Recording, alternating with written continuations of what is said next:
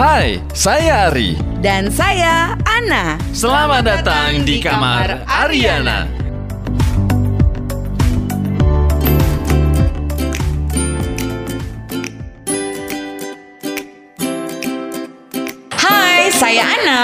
Halo, saya Ari. Selamat, datang di kamar Ariana. Let's Komuni saya. Kali ini kita akan berbicara mengenai drama radio. Pak Ari pernah dengerin drama radio ya? Pernah dong? Kapan tuh terakhir dengerin drama radio? Ah, kemarin baru. Kemarin ya. iya. Pas Kan kita, mau buka puasa Iya, ya. kan kita dengerin bareng di mobil. Betul. Jadi kemarin itu kita sempat dengerin bareng-bareng drama radio di salah satu stasiun radio swasta ya. Ya inisialnya sebut saja Prambors itu. itu bukan inisial. Sebut saja Prambors ya. Itu kita lagi cari makanan buat berbuka ya. Terus ternyata di Radio Prambors itu program puasanya adalah drama radio ya. Iya, drama radio singkat sih. Iya, singkat sampai aku sampai mau nangis sih ya. Ah, kalau orang Jawa bilang tuh istilahnya berbes mili gitu. Saking ininya ya terharu dengan jalan ceritanya. Nah, untuk teman-teman Ariana nih yang mau menulis drama radio ya, perlu diingat yang namanya drama radio tentu berbeda dengan drama di televisi atau teater misalnya ya, atau mungkin film gitu ya. Apalagi drama dalam kehidupan sehari-hari. Drama queen Beda ya Nah kenapa berbeda? Karena karakteristik dari medianya juga berbeda Gitu. Tidak semua karakter eh, radio Itu bisa diimplementasikan ke dalam bentuk drama Sehingga untuk pembuat atau creator drama radio Ini tetap harus memperhatikan Harus paham dulu nih karakteristik radio. Jadi keunggulan radio terkait drama ya Yang pertama nih Bahasa radio itu biasanya berakar pada budaya lisan sebuah masyarakat. Dan ini tentunya sangat menguntungkan ya karena drama ini akan benar-benar mengangkat budaya lisan tersebut. Dan hingga saat ini radio masih cenderung sangat lokal sehingga drama radio masih sangat efektif dalam menyampaikan pesan. Buktinya kemarin kita pas lagi eh, di mobil itu dengerin drama radio tuh benar-benar tersentuh gitu ya Pak Ari ya dengan cerita dari drama radio eh, yang kita dengarkan iya, pas lagi hujan lagi ya. Pas lagi banjir-banjir. Iya gitu. Pas betul, banget kan? pas banget tuh dengerin drama radio ya. Kemudian yang kedua, radio itu punya kemampuan tidak terbatas ya dalam menggugah imajinasi pendengar. Jadi penulis naskah tuh nggak perlu khawatir karena imajinasi pendengar itu bisa dieksplor semaksimal mungkin ya. Masih inget dong Theater of Mind ya, Iya. bahwa radio itu adalah medium yang mampu menciptakan theater of mind. Kemudian yang ketiga, radio itu tidak punya keterbatasan dalam mengubah waktu dan setting cerita ya. Jadi tinggal nyebutin aja situasinya secara lisan, maka pendengar itu akan berimajinasi atau membayangkan situasi tersebut tanpa kita harus bersusah payah nih ngeset lokasi, kemudian mempersiapkan set ya, kemudian pemainnya itu eh, hairdo-nya, kemudian wardrobe-nya disesuaikan dengan settingan eh, waktunya. Jadi lebih irit gitu loh Agak untuk nggak- drama radio. Ya agak nggak efisien juga ya Bu Ana ya kalau misalnya drama radio recording tapi pakai hairdo juga gitu. nggak kelihatan juga. Nggak kelihatan juga ya. Bener, ngabisin duit kan, ngabisin biaya ya. Misalnya gini nih, kita mau bikin suasana di dasar laut gitu ya. Cuman dikasih Sound sound, effect. effect, Ah. eh, suara air gitu misalnya ya. Itu orang udah bisa ngebayangin bahwa ya.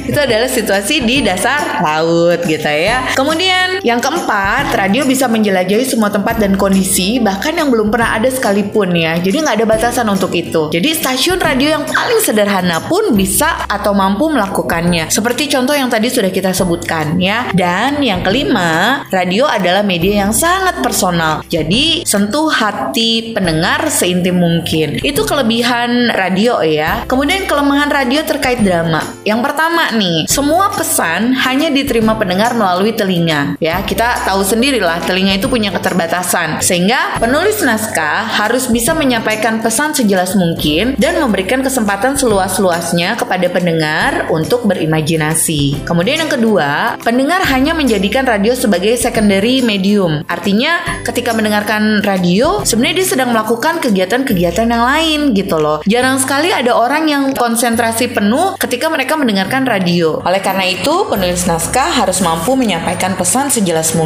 Antara lain dengan pilihan kata yang jelas, kemudian yang sederhana dan mudah dimengerti. Jadi, jangan sampai kita membiarkan pendengar berpikir terlalu lama ketika menyimak siaran kita ya. Kemudian yang ketiga, radio bisa menawarkan banyak hal, tapi ada beberapa hal nih yang tidak mungkin disampaikan secara mendetail. Kayak misalnya bikin acara atau program memasak ya. Kalau resepnya simple misalnya kayak bikin roti bakar atau telur rebus gitu mungkin masih bisa ya pakai radio ya Pari ya.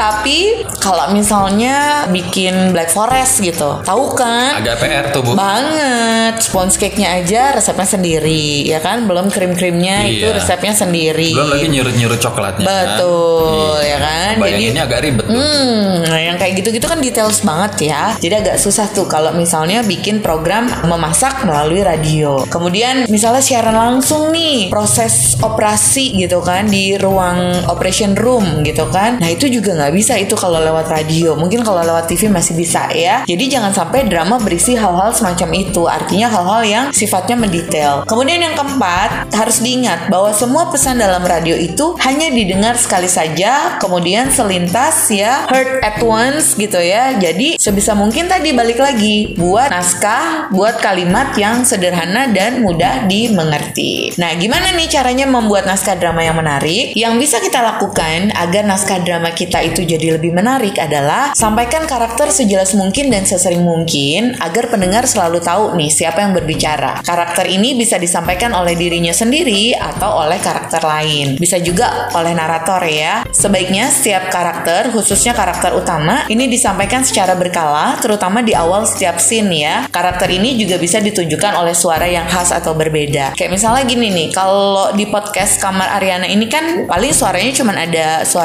Bu Ana dan suara Pak Ari aja gitu kan. Tapi kalau misalnya suaranya ada laki-lakinya ada lebih dari satu, perempuannya lebih dari satu, nah mungkin supaya jelas ini siapa yang ngomong ya, bisa saja karakternya ngomong kata gantinya tuh bukan saya tapi namanya sendiri. Ini sesuatu hal yang jarang kita lakukan di percakapan sehari-hari. Karena kalau di percakapan sehari-hari kita tahu lah siapa lawan bicara kita, Kelihatan gitu ya. kelihatan gitu kan. Tapi kan kalau di radio nggak kelihatan gitu kan. Jadi harus di, sering-sering disebut gitu, bukan kamu atau saya gitu ya, tapi pakai nama misalnya. Jadi gini loh Pak Ari, ya. Iya. Jadi intinya ada pemisahan yang jelas antara tiap-tiap karakter supaya kita sebagai pendengar juga bisa langsung membayangkan Ini siapa si gitu A ya. atau si B atau si C Betul. yang lagi ngomong gitu ya. Betul. Kemudian yang selanjutnya adalah buat naskah yang menarik pada awal setiap scene atau episode ya. Nah, sebenarnya daya tarik ini bukan hanya naskah, tapi juga sound effect atau musik. Ini yang selalu aku bilang bahwa di awal itu usahakan ada attention getter. Bisa pakai smash, bisa pakai sound effect, bisa pakai musik gitu ya. Bisa pakai apa pun lah. Yang pasti itu bisa menjadi attention getter ya. Walaupun naskah tetap jadi yang utama ya, karena di naskah itu berisi pesan yang jelas. Kemudian yang selanjutnya adalah jangan terlalu banyak membuat pesan inti dalam setiap episode atau scene ya. Buat inti cerita yang simple dan mudah dicerna. Ingat ya,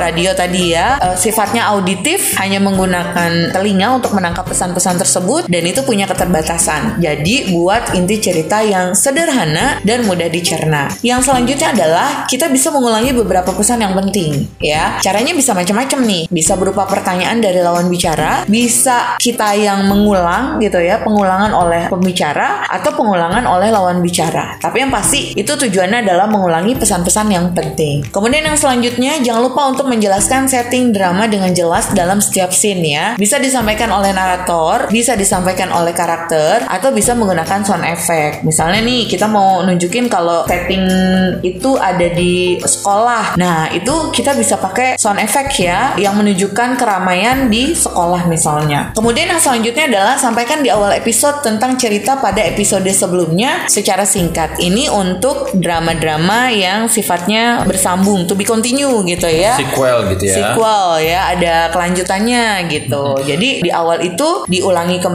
episode sebelumnya. Biar yang dengerin nggak bingung kok tiba-tiba jumping nih, loncat. Ini sebelumnya ceritanya apa nih? Hmm. Betul. Gitu. Karena kan nggak semua pendengar ngikutin dari awal ya. Betul. Mungkin ada juga pendengar yang baru dengerin tuh di tengah-tengah episode gitu ya, di tengah-tengah cerita. Kemudian yang selanjutnya adalah unsur-unsur dalam drama, khususnya drama radio. Yang pasti dalam drama radio itu ada yang namanya karakter atau para tokoh ya. Kemudian yang kedua ada plot atau alur cerita. Nah, setiap drama ini memang harusnya berisi konflik ya. Bahkan setiap episode atau scene sebaiknya berisi konflik. Makanya tuh ibu-ibu kita gitu ya pada suka kan nonton sinetron gitu kan. Di setiap episodenya itu selalu ada yang namanya konflik gitu. Nah, konfliknya ini juga bisa macam-macam. Bisa konflik batin seseorang dengan nasib atau takdir hidupnya. Hmm, familiar ya. Familiar ya. Kemudian bisa juga konflik antar individu ya. Kemudian bisa juga konflik seseorang dengan dirinya sendiri ya. Kemudian yang ketiga ada setting tentunya ya, tempat gitu ya. Kemudian juga ada tema yang biasanya berisi pesan moral apa yang disampaikan oleh drama tersebut. Nah, yang berikutnya adalah mengenai struktur drama. Jadi struktur drama itu ada introduction, kemudian ada development with conflict, and then ada climax, ada resolution ya, ada conclusion. Nah, kalau menurut Sujiman dan Nurgiantoro, struktur dinamika alur drama ini dibagi menjadi tiga macam saja, yaitu awal, tengah, dan akhir. Ya, kalau tadi tuh breakdown dari awal, tengah, dan akhir ya. Nah, di bagian awal alur ya, ini biasanya terdiri atas tiga bagian. Ada eksposisi, ada rangsangan, dan juga ada gawatan ya. Eksposisi ini merupakan tahapan pengenalan dari peristiwa yang diceritakan. Kemudian rangsangan ini berisi tentang gangguan keharmonisan suasana yang terjadi dalam cerita. Kemudian gawatan ini berisi tentang ketegangan yang terjadi di dalam cerita. Itu adalah bagian awal. Kemudian di bagian tengah. Bagian tengah alur terdiri dari tiga bagian. Ada konflik, ada komplikasi, dan juga ada klimaks ya. Konflik ini merupakan tahap pertentangan yang dilakukan antara pihak protagonis dan antagonis di dalam cerita. Ya, jadi pihak yang baik dan yang jahat lah istilahnya kayak gitu Protagonis ya. tuh Pak Ari, ya. kayak saya banget gitu. Hmm, Iya, Pak Ari banget ya. Aku antagonis ya. Iya. Yang mukanya suka di Ngegas gitu ya. ngegas gitu kan. Terus suka apa namanya? Nggak kelihatan ya. Ana abis ngasih kelihatan tahu ya. Theater of Mind Bu Ana iya, mainin mimik muka. mainin mimik muka. Eh, nggak kelihatan dong ya. Enggak dong. Yang mukanya suka judes-judes gitulah. Antagonis kan. Aku tuh memang antagonis. Kemudian komplikasi ini berisi perkembangan dari gejala awal konflik menuju ke klimaks ya yang terjadi dalam cerita. Nah, klimaks berisi puncaknya kehebatan dari komplikasi yang menyebabkan suasana semakin memuncak yang terjadi di dalam cerita. Kemudian yang terakhir bagian ketiga adalah akhir ya, di mana bagian akhir alur ini terdiri dari satu bagian saja yaitu penyelesaian. Nah, penyelesaian merupakan tahap terakhir yang berisi penyelesaian dengan kemenangan dari para tokoh ya, seperti itu. Penulisan naskah drama radio tentu berbeda dengan penulisan naskah drama televisi. Yang saat ini kita akan pelajari adalah teknik cara penulisan naskah drama. Nah, yang pertama nih harus diingat, gunakan huruf besar atau huruf kapital untuk nama tokoh, sound effect, musik, dan aksi para tokoh. Jadi gunakan huruf kapital, huruf besar ya untuk nama tokoh, sound effect, musik, dan aksi para tokoh. Kemudian yang kedua gunakan huruf kecil untuk naskah dialog para tokoh. Jadi dialognya itu menggunakan huruf kecil. Kemudian yang ketiga, setiap naskah dialog dan sound effect ini harus dibubuhi nomor sesuai dengan urutan waktunya. Jadi ru- diurutin tuh satu, dua, tiga ya, baik itu dialog maupun sound effectnya. Kemudian yang keempat di garis bawahi atau underline ya, setiap aksi yang harus dijalankan oleh editor atau operator produksi. Nah biasanya ini kayak sound effect gitu ya, itu dikasih underline supaya editornya itu paham, oh ini mesti diginiin ya treatmentnya seperti ini dan lain sebagainya. Kemudian panduan menulis dialog eh, drama radio. Ini setiap dialog harus tertulis dalam bentuk naskah yang lengkap, termasuk cara pengucapannya. Kemudian yang kedua, buat dialog senatural mungkin. Ingat ya, prinsip penulisan naskah radio adalah write the way you talk ya. Jadi buat senatural mungkin. Kemudian yang ketiga, setiap dialog itu harus cocok dengan karakter tokohnya. Jadi kalau karakter tokohnya misalnya temperamental, ya nggak dibikin juga dialognya itu yang lemah lembut gitu kan. Ya harus disesuaikan dengan karakternya yang temperamental. Aku benci kamu. kan nggak mungkin Nggak gitu cocok ya, ya. nggak cocok. Kalau enggak nggak cocok juga kalau misalnya aku cinta kamu. Nah, Nggak cocok cocok, ya? nggak cocok itu itu kayaknya ngomong ke ke musuh ya. Kemudian yang keempat, setiap karakter harus mencocokkan dialog dengan aksi dan situasi ya. Kemudian yang kelima, sebutkan setiap nama karakter lebih banyak daripada dalam kehidupan sehari-hari ini. Kayak misalnya aku kalau lagi ngobrol sama Pak Ari gitu kan, ya udah. Kalau sama temen gitu kan suka lo gue lo gue gitu kan. Nah kalau di naskah drama radio ya nggak gitu. Eh Ari kamu mau ke mana? gitu. Jadi disebut namanya gitu. Gitu kan. Iya Ana, aku mau main bola. nah seperti itu ya. Kemudian yang keenam hindari tokoh atau karakter berbicara dengan dirinya sendiri ya. Kemudian yang ketujuh hindari ketidakjelasan pesannya. Setiap pesan harus berisi kejelasan tanpa membutuhkan penjabaran dari kalimat berikutnya. Jadi benar-benar harus membuat kalimat yang sederhana dan mudah untuk dipahami. Dan yang kedelapan adalah jelaskan setiap kondisi yang diinginkan dari setiap karakter ketika berdialog. Nah, itu adalah cara bagaimana menulis atau membuat naskah drama radio. Oh jadi udah nih Bu Ana. Belum Pak Ari. Wow masih ada lagi dong. Masih ada tugas buat temen Ariana semuanya ya. Asik. Saya suka tugas. Tugasnya adalah membuat naskah drama pendek ya. Dan ini adalah tugas individu bukan tugas kelompok ya. Jadi buat naskah drama pendek ya dan dikumpulkan hari ini juga. Nah, bikinnya yang sekreatif mungkin ya, atau bisa juga diangkat dari drama kalian sehari-hari. nah benar. Idenya ide ceritanya bisa diangkat dari kehidupan sehari-hari ya Pak Ari ya Iya, kayak misalnya Bu Ana kan sama aku kan kita sering berantem ya Drama. gara-gara gara-gara bikin podcast itu bisa ya? Bisa. diangkat jadi tema ini ya drama radio bisa, ya bisa kesel yang denger Bu nanti. bener bener bener. Karena nggak penting juga ya. Nggak menarik juga. Tapi mungkin kehidupan teman Ariana justru jauh lebih menarik untuk dijadikan sebagai naskah drama radio. Oke kita akhiri sampai di sini podcast kita kali ini. Boleh? saya Ana. Saya Ari. kami sign out. Bye. dadah